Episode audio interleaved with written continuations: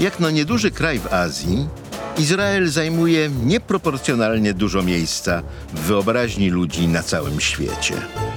Może po prostu na ziemi zbyt obiecanej nie może być nudno. Gdyby można było eksportować historię lub teraźniejszość, to Izrael, jedyny kawałek Bliskiego Wschodu bez ropy naftowej, byłby drugim Kuwejtem.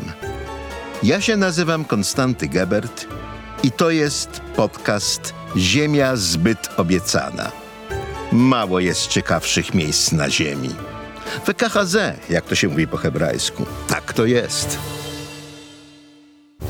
W wydanym jeszcze w okresie międzywojennym w mandatowej podówczas Palestynie tomiku rozmówek polsko-hebrajskich znajdujemy zwroty przydatne dla każdego, kto przybywa do Erec Israel.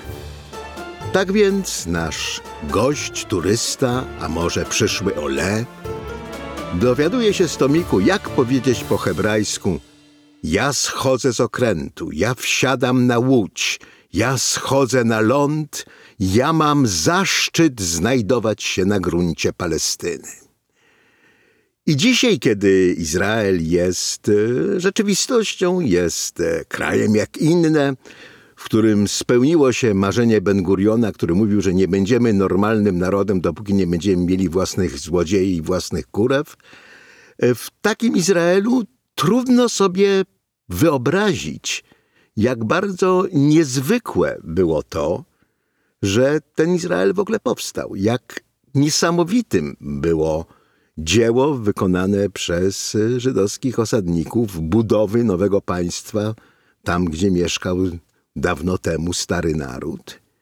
I dopiero kiedy to zrozumiemy, będziemy łatwiej rozumieli entuzjazm, jaki ogarniał twórców, no nawet rozmówek polsko-hebrajskich. Nasz gość odwiedza kibuc i któryś z kibucników mu tłumaczy.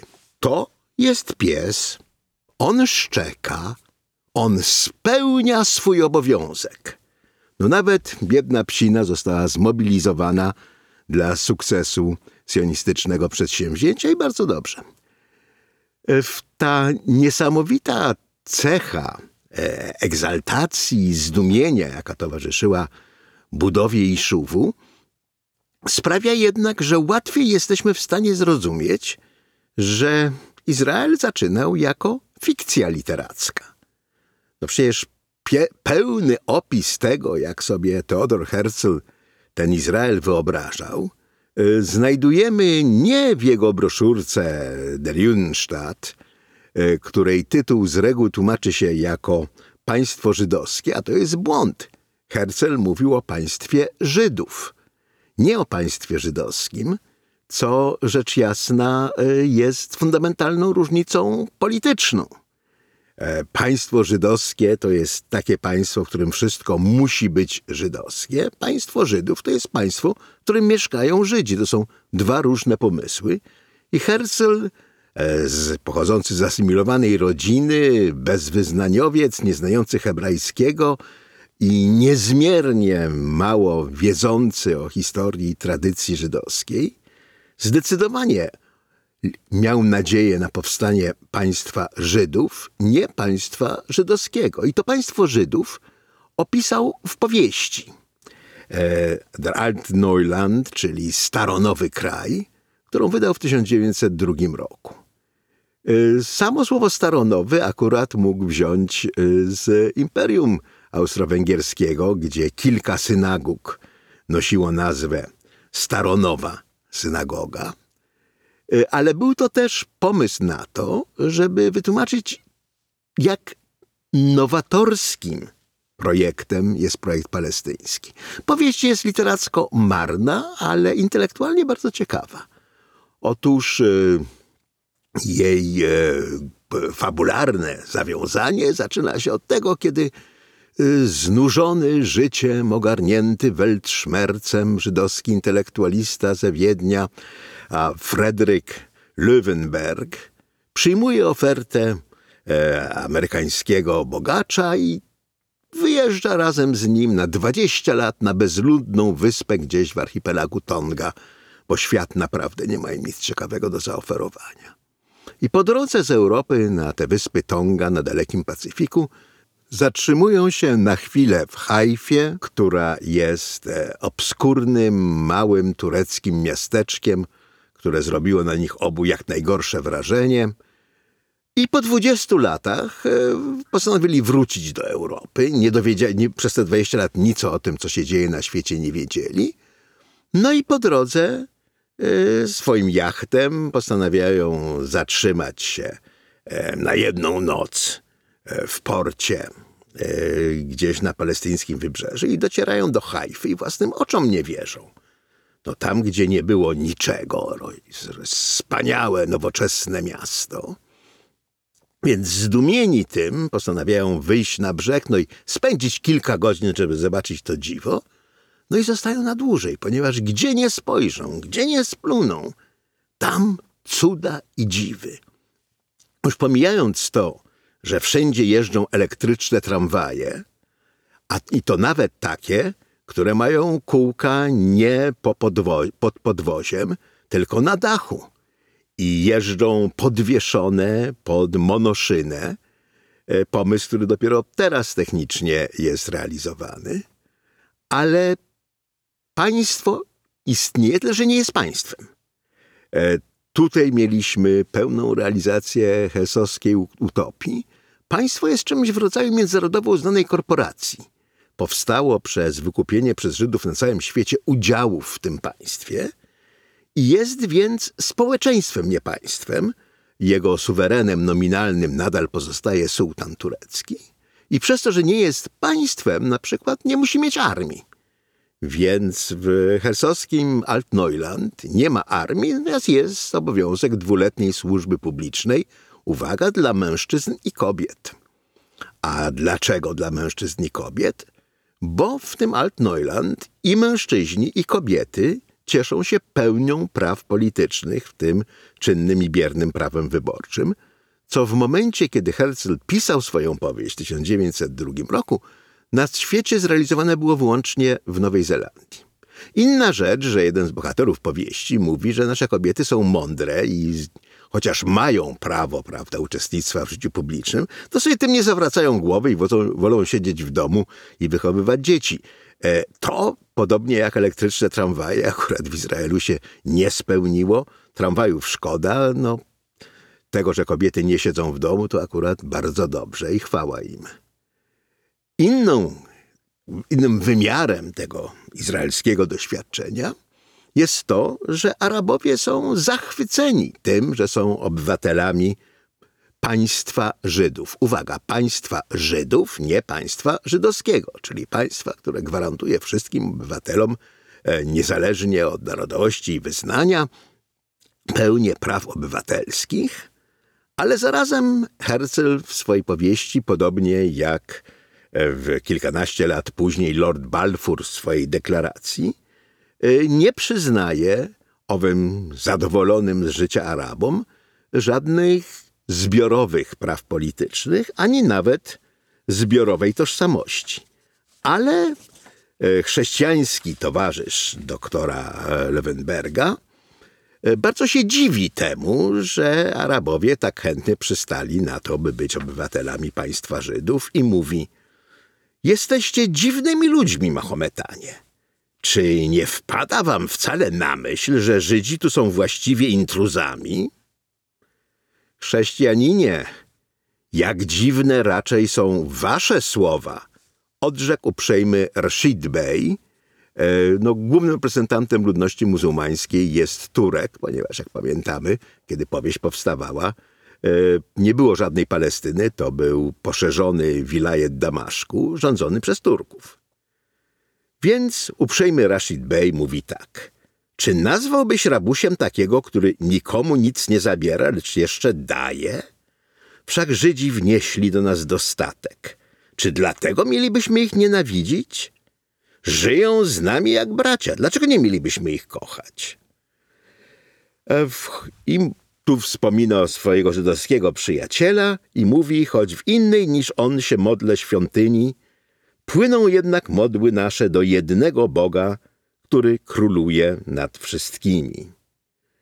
Nasze domy Boże stoją zarazem tak blisko siebie, że mi się ciągle zdaje, iż modlitwy nasze gdzieś na wysokościach się zlewają, by dojść do tronu Pana. Ta wizja Herzla się w sposób y, no, gigantyczny nie spełniła. I nie mogła się spełnić, bo rzeczywiście taką wizję e, przyjaznej koegzystencji mogli realizować tylko ci nieżydzi, którzy się nie czuli częścią zbiorowości narodowej, e, która by się domagała równych z Żydami zbiorowych praw w państwie Żydów. E, a jeszcze bardziej tajemnicza jest ta sprawa tych świątyń. Otóż e, Herzl pisze, że w Jerozolimie wznosi się trzecia świątynia, nawet ją opisuje z pewnymi szczegółami, e, jest zgodna z biblijnym opisem świątyni Salomonowej, więc mamy i te dwie potężne kolumny na frontonie, i miedziane morze, ten no, ogromny zbiornik, który służy tymi do ablucji rytualnych, ale nie jest jasne, czy ona stoi na wzgórzu świątynnym, czy gdzieś nieopodal. E, dla Herzla takie rzeczy to były detale, przesądy światłoćmiące, więc nie jest jasne, gdzie stoją te bliskie sobie domy modlitwy, choć wizja modlitw, które się unoszą z różnych, z, ze świątyń różnych wyznań i się splatają razem, nim znajdą się u Bożego Tronu, mnie osobiście jest bardzo bliska. E, ustrój w Altneulandzie panuje e, mutualistyczny, czyli wzajemnościowy. E, to oznacza, że wprawdzie własność prywatna jest jak najbardziej akceptowana, ale ziemia i zasoby naturalne są własnością wspólną i wszyscy są współakcjonariuszami. W ogóle wszyscy są współakcjonariuszami wszystkiego. Na przykład budżety reklamowe gazet, które utrzymują gazety, utrzymują nie tylko gazety, ale także ich prenumeratorów. Otóż dochód z reklamy, e, potem, e, jak zostaną pokryte koszta produkcji, e, zostaje podzielony między akcjonariuszy gazety, a wśród tych akcjonariuszy są także z automatu jej subskrybenci. Innymi słowy, jak zauważa Herzl, ludziom się płaci za to, że czytają gazety. I tutaj widać duszę dziennikarza, który już wtedy zrozumiał, że jest to e, instytucja społeczna niepewna i należałoby jednak ją jakoś mocniej finansowo umocować. No i nad tą fantastyczną utopią e, unosi się jednak zagrożenie, mianowicie e, po śmierci pierwszego prezydenta Izraela, e, przepraszam, Altneulandu, e, są wybory i do tych wyborów staje e, no taki E, I do tych wyborów wstaje młody Żyd, którego e, dr Frederick Löwenberg znał jeszcze z, z Wiednia jako małego żebraka. I jest on wyrazicielem owego postępowo-socjalistyczno-tolerancyjnego etosu, który Herzl w swojej powieści opisał, ale jego kontr, kontr, konkurentem jest dr Geyer Rabin, E, niedawno przybyły do Izraela, który głosi tezę, że Izrael powinien być państwem żydowskim. To znaczy, nie Żydzi nie powinni w nim mieć praw. Nie mówi jeszcze nic o deportowaniu nieżydów z Izraela, ale że prawo głosu i decydowania o sprawach publicznych winni mieć tylko Żydzi. E, Herzl tu nie jest subtelny, Geyer po niemiecku to jest sęp. I o tym doktorze Gejerze jeden z herslowskich bohaterów mówi tak. Przeklęty kleryk i pob obłudny pobożniś ciągle szczuje. Chce tolerancję wygrać, wygnać z naszego kraju ten łotr. Z natury jestem człowiekiem spokojnym, ale takiego zacofańca z przyjemnością bym uśmiercił. No, wypisz, wymaluj e, proroctwo sprzed ponad wieku, E, rozmaitych e, prawicowych nacjonalistów. E, rabin Geyer mógłby być archetypem rabina Maoza z partii Noam, którzy dzisiaj współsprawują w Izraelu rządy i należy się mieć tylko nadzieję, że tak jak rabin Geyer przegrał wybory w herslowskiej powieści, tak też wybory przegrają jego ideowi następcy. W sumie jednak jest czymś e, zdumiewającym, jak wiele rzeczy Herzl przewidział. I dlatego też tłumacz Altneulandu na język polski. Książka wyszła po polsku w 28 roku. E, Dr Henryk Adler mówi tak. Co z tych genialnych pomysłów i proroczych przepowiedni na rok 23 zrealizowało się dziś z końcem 1928 roku, przepraszam, książka już jest 28 właśnie, nie 23, w odradzającej się Palestynie. Odpowiedź na to pytanie mo mogłaby być tematem specjalnej, obszernej rozprawy, a taka konfrontacja rzeczywistości palestyńskiej z ową kopalnią możliwości, jaką znajdujemy w utopii Herzla, byłaby rzeczą nader wdzięczną i ciekawą. Chciałbym się tu zatrzymać nad jednym momentem. Chodzi o genialne przewidzenie owego fermentu społecznego, który stał się istotą narodowego odrodzenia w Palestynie. A więc nie stworzenie na stary, zmurszały wzór europejski państwa z klasą panujących i niewolników, z wojskiem, militaryzmem, szowinizmem klasowym i narodowym, ale nowe, wolne, odrodzone społeczeństwo, nie wyrównujące sztucznie ludzi i nie stawiające nikomu tam na drodze do jego pełnego rozwoju i osobistej szczęśliwości. Innymi słowy, w najdrobniejszych niemal szczegółach obraz tego pożycia społecznego, jakie czytelnik znajdzie na kartach tej książki. I pomijam inne fakty, które, których spełnienie znajdujemy w dzisiejszej Palestynie, jak między innymi wskazanie dla realizującego się planu elektryfikacji inżyniera Rutenberga lub prorocze zapowiedzi powstania miejscowości istniejących dziś naprawdę, jak Magdala, która stała się ideałem nowego Jiszuwu palestyńskiego i tak genialne przewidzenie rozwoju ruchu spółdzielczego świadczą o prawdziwie proroczych momentach wizji herzlowskiej. I trudno się z tym rzeczywiście nie zgodzić. E, annały historii literatury pełne są rozmaitych utopii, które się nie spełniły. Utopia herslowska spełniła się w stopniu no, zdumiewającym.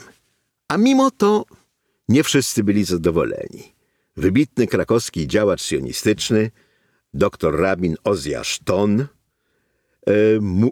pisał w broszurce poświęconej osobie Herzla w kilka lat po jego śmierci, co następuje. Z bólem konstatuje w tej książce, mowa o Altneulandzie oczywiście, brak zupełny samoistnej siły twórczej żydostwa. Wszystko, co jest w kraju staronowym, zostało wzięte i zapożyczone u innych. Zręcznie zespolone, lecz obce. A gdzież jesteśmy my? Bez wątpienia, no, technika nie jest wartością narodową. To, co wytwarza, przynosi ona w darze wszystkim, którzy zdolni są ją wykorzystać. Lecz dobra ducha, gdzież one są?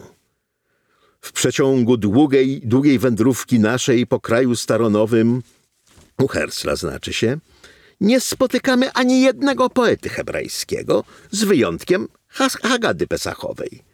Nie słyszymy ani jednego słowa hebrajskiego w odbudowanej Palestynie. Słyszymy wprawdzie, że wystawiają jakąś operę hebrajską, lecz niczego dokładniejszego się nie dowiadujemy o niej. Ja jednakże rad bym się dowiedzieć czegoś więcej o charakterze muzyki tej opery i jej kompozytorze. I jedyny malarz żydowski, o którym jest mowa w książce, nie okazuje się w swym swoistym charakterze artystycznym, którym mógłbym odczuć jako żydowski. I tak pod wieloma innymi względami. Jaźń żydowska, która tylko od Żydów, nie ze świata zewnętrznego pochodzić może, nie została wyśniona. No i oczywiście doktor Ton ma rację. Herzl o owej jaźni żydowskiej biedny nic nie wiedział. E, religijnie był indyferentny, hebrajskiego nie znał i co więcej był święcie przekonany, że pomysły odrodzenia języka hebrajskiego są skazane na klęskę. Kto z nas zna hebrajski na tyle, żeby kupić w tym języku bilet kolejowy? Pytał. No, tu by się zdziwił, prawda? E, Herzl budował swoją utopię jako wcielenie oświeceniowego ideału, który w Europie zawiódł, mało tego, który pozwalał dyskryminować, bić i mordować Żydów, a Herzl rzecz jasna nie wiedział jeszcze, jak to wszystko się w Europie skończy, podczas kiedy działacze sionistyczni chcieli, żeby to państwo Żydów, czyli miejsce, gdzie się Żydzi schronili przed barbarzyństwem i klęską Europy, było też państwem żydowskim, czyli wyrażającym żydowskiego ducha.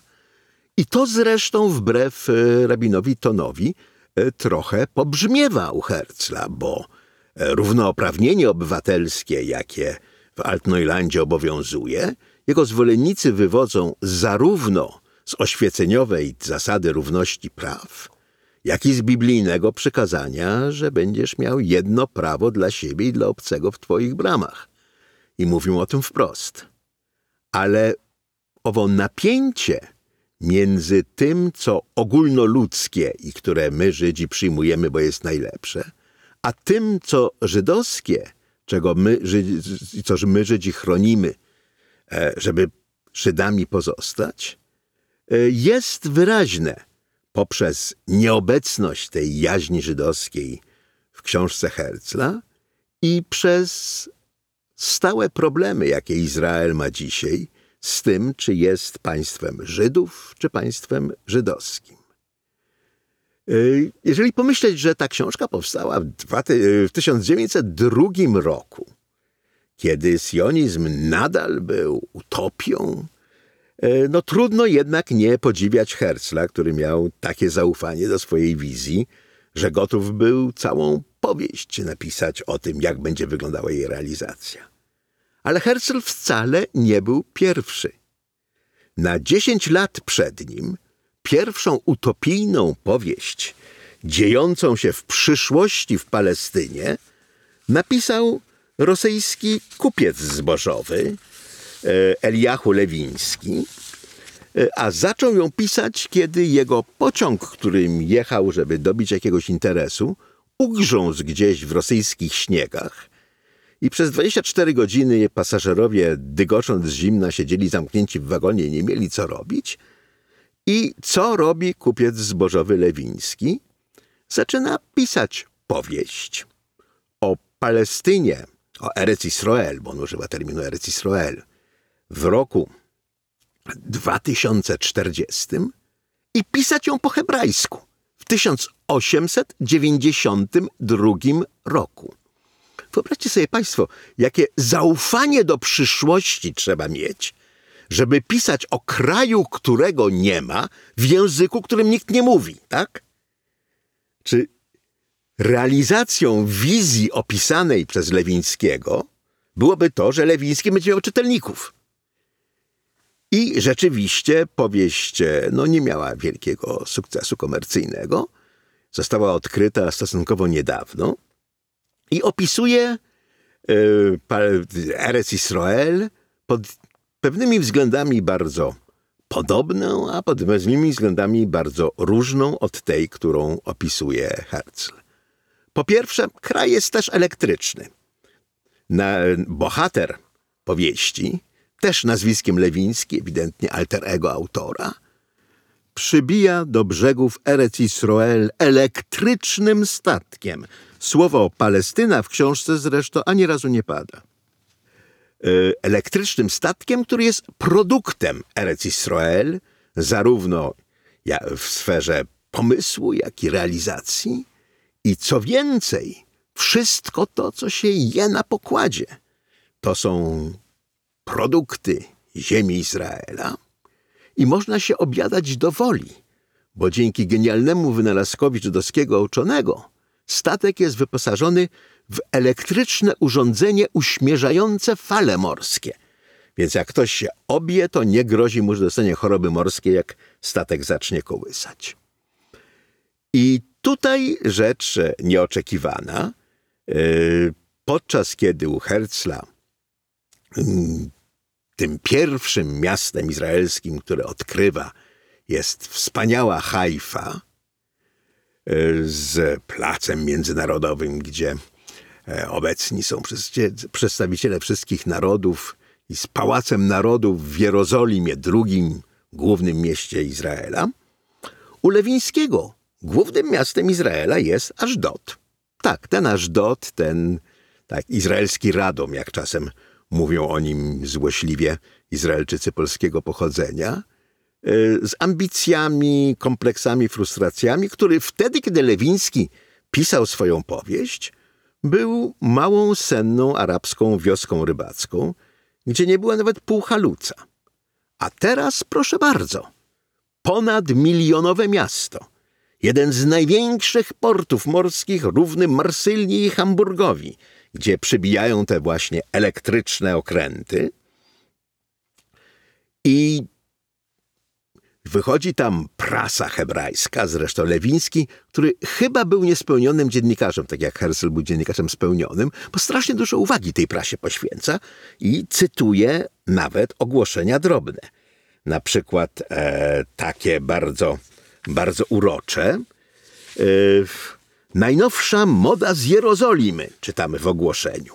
Na wieczornym bankiecie w rezydencji prezydenta prezydentówna nosiła ażurową suknię, e, zawieszoną na brązowych i szkarłatnych paseczkach.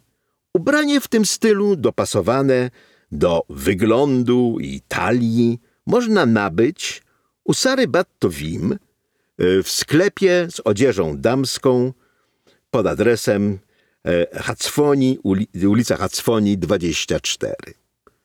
E, no nie ma ulicy Hacfoni w Ażdocie. E, prezydentówny nie prezentują się na balach rocznych. E, kadencja prezydenta nie trwa rok, jak u Lewińskiego, ale cztery lata. Ale ilość tych ogłoszeń drobnych, Lewiński cytuje, ma świadczyć o żywotności i różnorodności życia ziemi Izraela. I to wszystko się dzieje w Ażdocie. Jerozolima jest, owszem, jest, tam mieszka prezydent. E, jest e, jakieś tam życie społeczne. Słowa nie ma o świątyni. Nie wiadomo, odbudowali, nie odbudowali, zapomnieli. Słowa nie ma o zachodniej ścianie. I dla równowagi słowa nie ma o Arabach. E, w całej powieści Lewińskiego spotykamy wyłącznie Żydów i nikt nawet nie wspomina o Arabach nie wiadomo, wyprowadzili się, zostali wygnani, e, przeszli wszyscy na judaizm. Tego nie wiadomo, ale inaczej niż u Hersla armia jest. Co prawda służba wojskowa trwa tylko dwa lata, ale, e, ale armia jest. Co więcej, to jest wielki Izrael. E, Lewiński, przypominam, pisał tą swoją powieść w 1892 roku, a w swej podróży po owym Erec Israel – powieściowy Lewiński odbywa tę podróż ze swoją świeżo zaślubioną żoną Jehudit, e, swoją byłą studentką. E, sam powieściowy Lewiński jest nauczycielem hebrajskiego, co zapewne było największym osobistym marzeniem autora. Otóż powieściowy Lewiński odwiedza też tą część ziemi Izraela, która leży po drugiej stronie Jordanu. I wszystko to jednak, i tutaj znowu mamy zbieżność z Herzlem, zostało uzyskane nie drogą podboju, pisze autor, i nie drogą dyplomatycznych negocjacji, ale po prostu wykupione przez Żydów kawałek po kawałku. Jesteśmy jedynym narodem, czytamy w powieści, który ma akt kupna swojego kraju. No i tutaj trudno nie myśleć, że zaczęło się wszystko w grocie Machpela, prawda? Którą praojciec Abraham kupił od Hetyty, żeby mieć gdzie pochować swoją żonę i ma dowód własności, no, odpowiedni, odpowiedni cytat story. Y, powieść Lewińskiego uważa się za pierwszą izraelską powieść fantastyczno-naukową. E, przepraszam, pierwszą hebrajską powieść fantastyczno-naukową, pierwszą powieść fantastyczno-naukową, która się rozgrywa w Izraelu, bo to wszystko toczy się w roku 2040, czyli roku 5800 według żydowskiego kalendarza, y, uderza, jak się rzekło, ten niesamowity optymizm kupca zbożowego który sobie wyobrażał, że będą czytelnicy na hebrajską powieść o nieistniejącym państwie. I te powieści Lewińskiego, Herzla rozpoczęły cały gatunek literacki. W tej chwili są już setki takich powieści, które dzieją się w jakiejś, jakimś Izraelu czy Palestynie jutra. Jutra oczywiście z perspektywy autora. Czasem możemy to jutro zweryfikować. Altneuland się rozgrywa w 23 roku, prawda? Więc już wtedy tacy ludzie jak, jak tłumacz Altneulandu mogli ocenić, na ile wizja Herzla stała się rzeczywistością. Jeśli chodzi o wizję Lewińskiego, no to będziemy musieli jeszcze poczekać prawie 20 lat do tego 20-40 roku. E, I wtedy się dowiemy na przykład, czy jego pomysł, żeby z soli kamiennej z Morza Martwego e, budować domy. E, w jego powieści całe miasto stanęło u wybrzeży Morza Martwego, zbudowane, zbudowane z soli. Czy ten jego pomysł się spełni, czy będą jego elektryczne statki, czy będą elektryczne tramwaje Herzla, co z mutualizmu, a zwłaszcza czy gazety się utrzymają dzięki temu, że czytelnicy będą zarabiali na ogłoszeniach i wobec tego mieli interes w tym, żeby gazety kupować, to wszystko się okaże. Wszystkie inne e, literackie wyobrażenia Palestyny z reguły pochodzą z drugiej połowy XX wieku e, i lat późniejszych i na ogół e, jako fabularny punkt wyjścia przyjmują że bieg II wojny e, był inny niż w rzeczywistości. E, to się wydaje takim e, no, łatwym i dowolnym założeniem, ale naprawdę mógł być inny. Pamiętajcie Państwo, że gdyby bitwa pod El Alamein potoczyła się inaczej, gdyby Anglicy zostali tam pokonani, to już między El Alamein a Indiami nie było żadnych brytyjskich sił, które mogłyby powstrzymać Romla. A to znaczy oczywiście, że nie tylko Kair by padł, ale Palestyna zostałaby wzięta i w Palestynie się bardzo poważnie liczono z tą możliwością. Jak będziecie Państwo w Hajfie i pójdziecie na Uniwersytet Hebrajski, to każcie sobie pokazać, gdzie są okopy. E, w tej perspektywie, w której Niemcy dokonują inwazji Palestyny, Y, Góra Karmel miała być ostatnią żydowską redutą.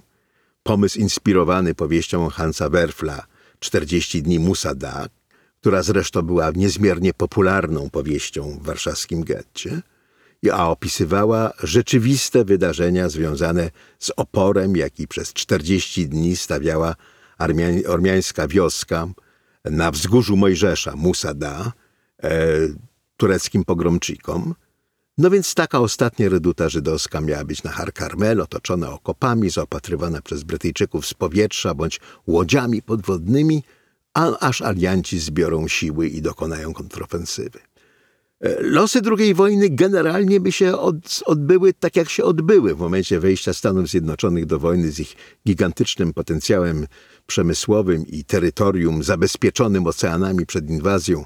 Było jasne, że oś zostanie pokonana – ale Palestyna mogła zostać zdruzgotana. Scenariusze, w której triumfujący hitlerowcy maszerują, wyrzucając nogi przed siebie i wnosząc ręce w hitlerowskim pozdrowieniu po Allenby czy pod zachodnią ścianą, są jak najbardziej wyobrażalne. I jest ogromna liczba powieści, które przyjmują taką hipotezę.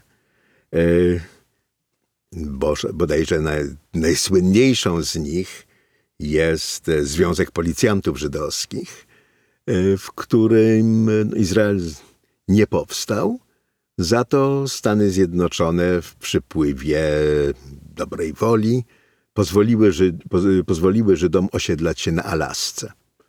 No i na Alasce jest e, społeczność żydowska, mówiąca widzisz oczywiście, no bo żaden hebrajski na Alasce nie ma sensu – i ma z miejscowymi Eskimosami dość zadrażnione stosunki, które można odczytać jako satyrę na relacje żydowsko-arabskie w realnym Izraelu. zarazem będąc społecznością w pełni podporządkowaną nieżydowskiej większości już nie tylko państwa, ale nawet stanu. E, jest to bardzo śmieszne, bardzo bolesne. E, I punkt wyjścia jest wyobrażalny. Tak więc Palestyna, która stała się Izraelem jako fikcją literacką, wymyśloną przez obłąkanego austriackiego dziennikarza, który nie znał hebrajskiego, nie znał judaizmu, nie znał historii żydowskiej i któremu się zresztą realnie istniejąca Palestyna w ogóle nie podobała, podobnie jak nie podobała się jego bohaterowi e, Löwenbergowi podczas jego pierwszej wizyty.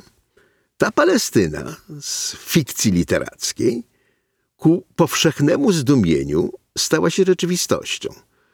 No to jest troszeczkę tak, jakby jakieś wizje Jules Verne stały się rzeczywistością. E, I stąd e, w pokoleniu, które jeszcze się wychowało ze świadomością e, kruchości, tymczasowości, literackości tego pomysłu, samo istnienie Izraela jest czymś zdumiewającym i powtarzają, tak jak ów turysta czy przyszły Ole, tego nie wiemy, z rozmówek polsko-hebrajskich. Mam zaszczyt znajdować się na gruncie Palestyny, na tym gruncie, gdzie nawet jak pies szczeka, to spełnia swój obowiązek. Ale na szczęście fikcja literacka przetworzyła się w historyczną i polityczną rzeczywistość. E, współczesne pokolenie Izraelczyków w ogóle nie odwołuje się do owych literackich i bardzo nieprawdopodobnych źródeł powstania ich państwa, e, traktują się jako oczywistość i dlatego być może nie korzystają z literackich źródeł takich jak Altneuland. To nie jest w ogóle książka, która jest czytana w Izraelu. E, czasem jacyś komentatorzy znajdą smaczny cytat z Altneuland, żeby wykorzystać w tekście, ale nie tylko nie czyta, no po pierwsze dlatego, że to jest rzeczywiście zła, nudna literatura. Jest to głównie narzędzie, poprzez które Herzl opisywał swoje utopijne pomysły społeczne, zwłaszcza ów ustrój mutualistyczny. Ale zarazem z przenikliwością y, godną dziennikarstwa najlepszej próby, Herzl zauważył, co będzie fundamentalnym problemem zrealizowanej utopii, no to będzie, czy tytuł książki Der Judenstaat zostanie przetłumaczony właściwie, czy niewłaściwie. Czy będzie ona przetłumaczona jako państwo Żydów, a więc normalne, demokratyczne, oświeceniowe, liberalne państwo, którym większość obywateli stanowią Żydzi. Czy będzie to państwo żydowskie? a więc państwo, którego prawa, kultura, zasady będą żydowskie i wszyscy będą się do nich musieli stosować. E, czy to Żydzi, czy nie Żydzi, czy to Żydzi bardziej religijni, czy mniej religijni. No ta herclowska wizja państwa, e, w którym nawet nie wiadomo, czy świątynia stoi na wzgórzu świątynnym, czy nie, dla religijnych Izraelczyków byłaby anatemą. I zresztą lepiej wtedy rozumiemy, ogromny bunt środowisk religijnych przeciwko sionizmowi, bunt zresztą rzecz interesująca zarówno judaizmu ortodoksyjnego, jak i reformowanego. Ortodoksi mieli Herzlowi za złe, że chce budować Erec Israel ludzkimi rękami, nie czekając przyjścia Mesjasza, a wszak tradycja uczy, że państwo zostanie odbudowane, gdy przyjdzie Mesjasz. A już zupełnie nie do przyjęcia jest ten słynny cytat z Herzla, że w Erec Israel będziemy trzymali rabinów w synagogach, tak jak wojsko w koszarach. Chodzi o to, żeby się wojsko i kler nie wtrącały do demokratycznego rządzenia państwem.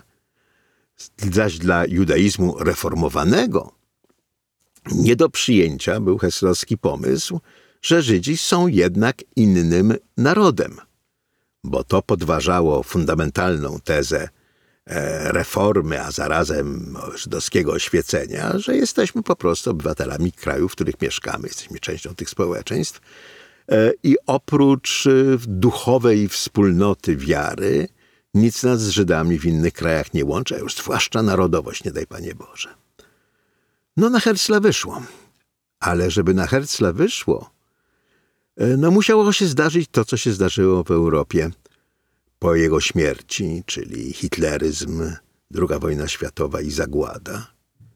I w tym kontekście jest czymś niesamowitym, że ów dr Rabin Geyer, który jest Schwarzcharakterem Altneulandu, jest wzorowany na doktorze Karlu Lugerze, antysemickim burmistrzu Wiednia. Niektóre wypowiedzi Gejera, które uzasadniają, dlaczego nie Żydzi nie, mają, nie mogą mieć w państwie Żydów praw, e, są żywcem przekopiowane z mów Lugera, który wyjaśnia, dlaczego w państwie chrześcijan Żydzi nie mogą mieć pełni praw. Tak więc, chociaż w pewnym sensie rację ma tłumacz Herzla, który się zachwyca zrealizowaną przepowiednią, e, to należy pamiętać o tym, co mówi e, Ozjasz Ton, że w Altneulandzie brak jest tej żydowskiej specyfiki. Nic nie wiemy o tym, e, jaka była to opera żydowska, bo tu Herzlowi kompletnie zabrakło wyobraźni. Za to mamy w Izraelu, w Altneulandzie, przy całej odrębności mutualistycznego systemu, przy owym dziwnym tworze, który jest korporacją, a nie państwem, mamy stary europejski nacjonalizm, który się na kontynencie przerodził w faszyzm, a który, tak jak jakiś zarazek, Żydzi zawlekli ze sobą do swojej nowej utopii i nie umieli sobie z nim poradzić. Także warto czytać starą literaturę utopijną, ponieważ czasami okazuje się ona niezmiernie praktycznie przydatna. A w następnym odcinku będziemy mówić o tym, jak to jest z tą okupacją, czyli czy zachodni brzeg jest okupowany, nie jest okupowany, czy jest to, jak to zwykle w tej części świata, troszkę bardziej skomplikowane.